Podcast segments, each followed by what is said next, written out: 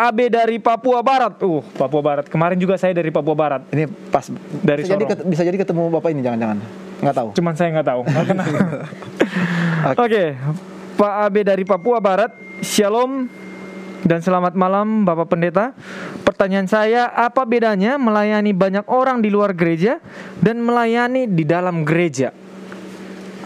Silakan Pendeta. Terima kasih. Pertama-tama saya mau ucapkan selamat malam untuk Pak Abe dari Papua Barat untuk pertanyaan yang uh, pertama ini.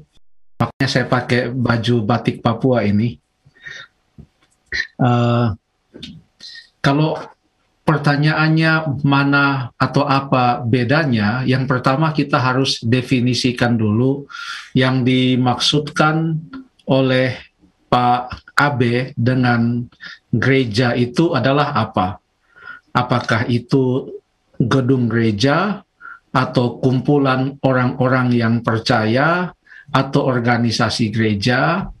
Kalau menurut definisi Alkitab, gereja atau jemaat itu adalah kumpulan orang-orang yang percaya kepada Tuhan Yesus Kristus yang terikat di dalam suatu perjanjian dalam tubuh Kristus yang bertumbuh bersama-sama mencapai suatu kesatuan iman. Itu adalah gereja. Mereka dipanggil keluar dari kegelapan menuju kepada terangnya yang ajaib. Kata 1 Petrus 2 ayat yang ke-9.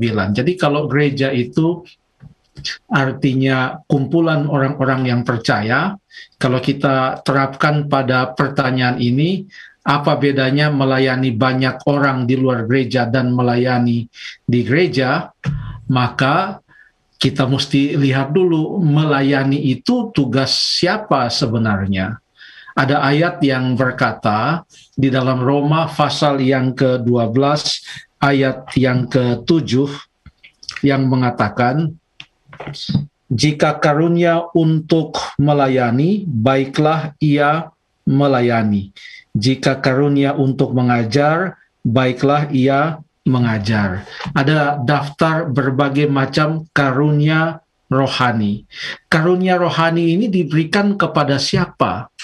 Menurut kisah pasal yang kedua ayat yang ke-38, pada saat seseorang dibaptiskan dan bergabung dengan jemaat Tuhan, maka orang itu akan mendapatkan karunia roh kudus. Karunia roh kudus yaitu melengkapi orang tersebut untuk bisa melayani.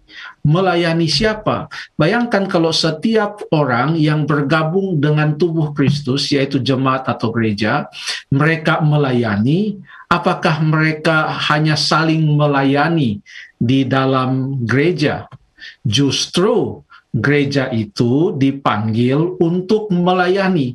Jadi mungkin pertanyaannya bukanlah apakah bedanya melayani di luar gereja dan di dalam gereja karena pada prinsipnya gereja itu dipanggil untuk melayani, terbentuk untuk melayani. Orang-orang yang mengikuti Kristus itu berkumpul bersama-sama untuk melayani.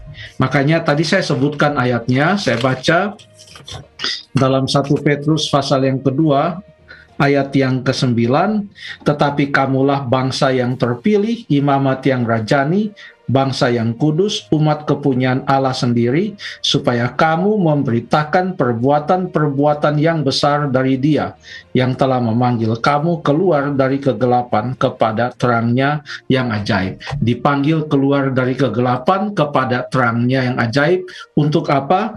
Untuk memberitakan perbuatan-perbuatan yang besar dari Allah. Ini artinya dipanggil untuk melayani. Dengan demikian, maka marilah kita melihat hal pelayanan ini bukanlah dalam sudut pandang apakah melayani di luar gereja atau melayani di dalam gereja.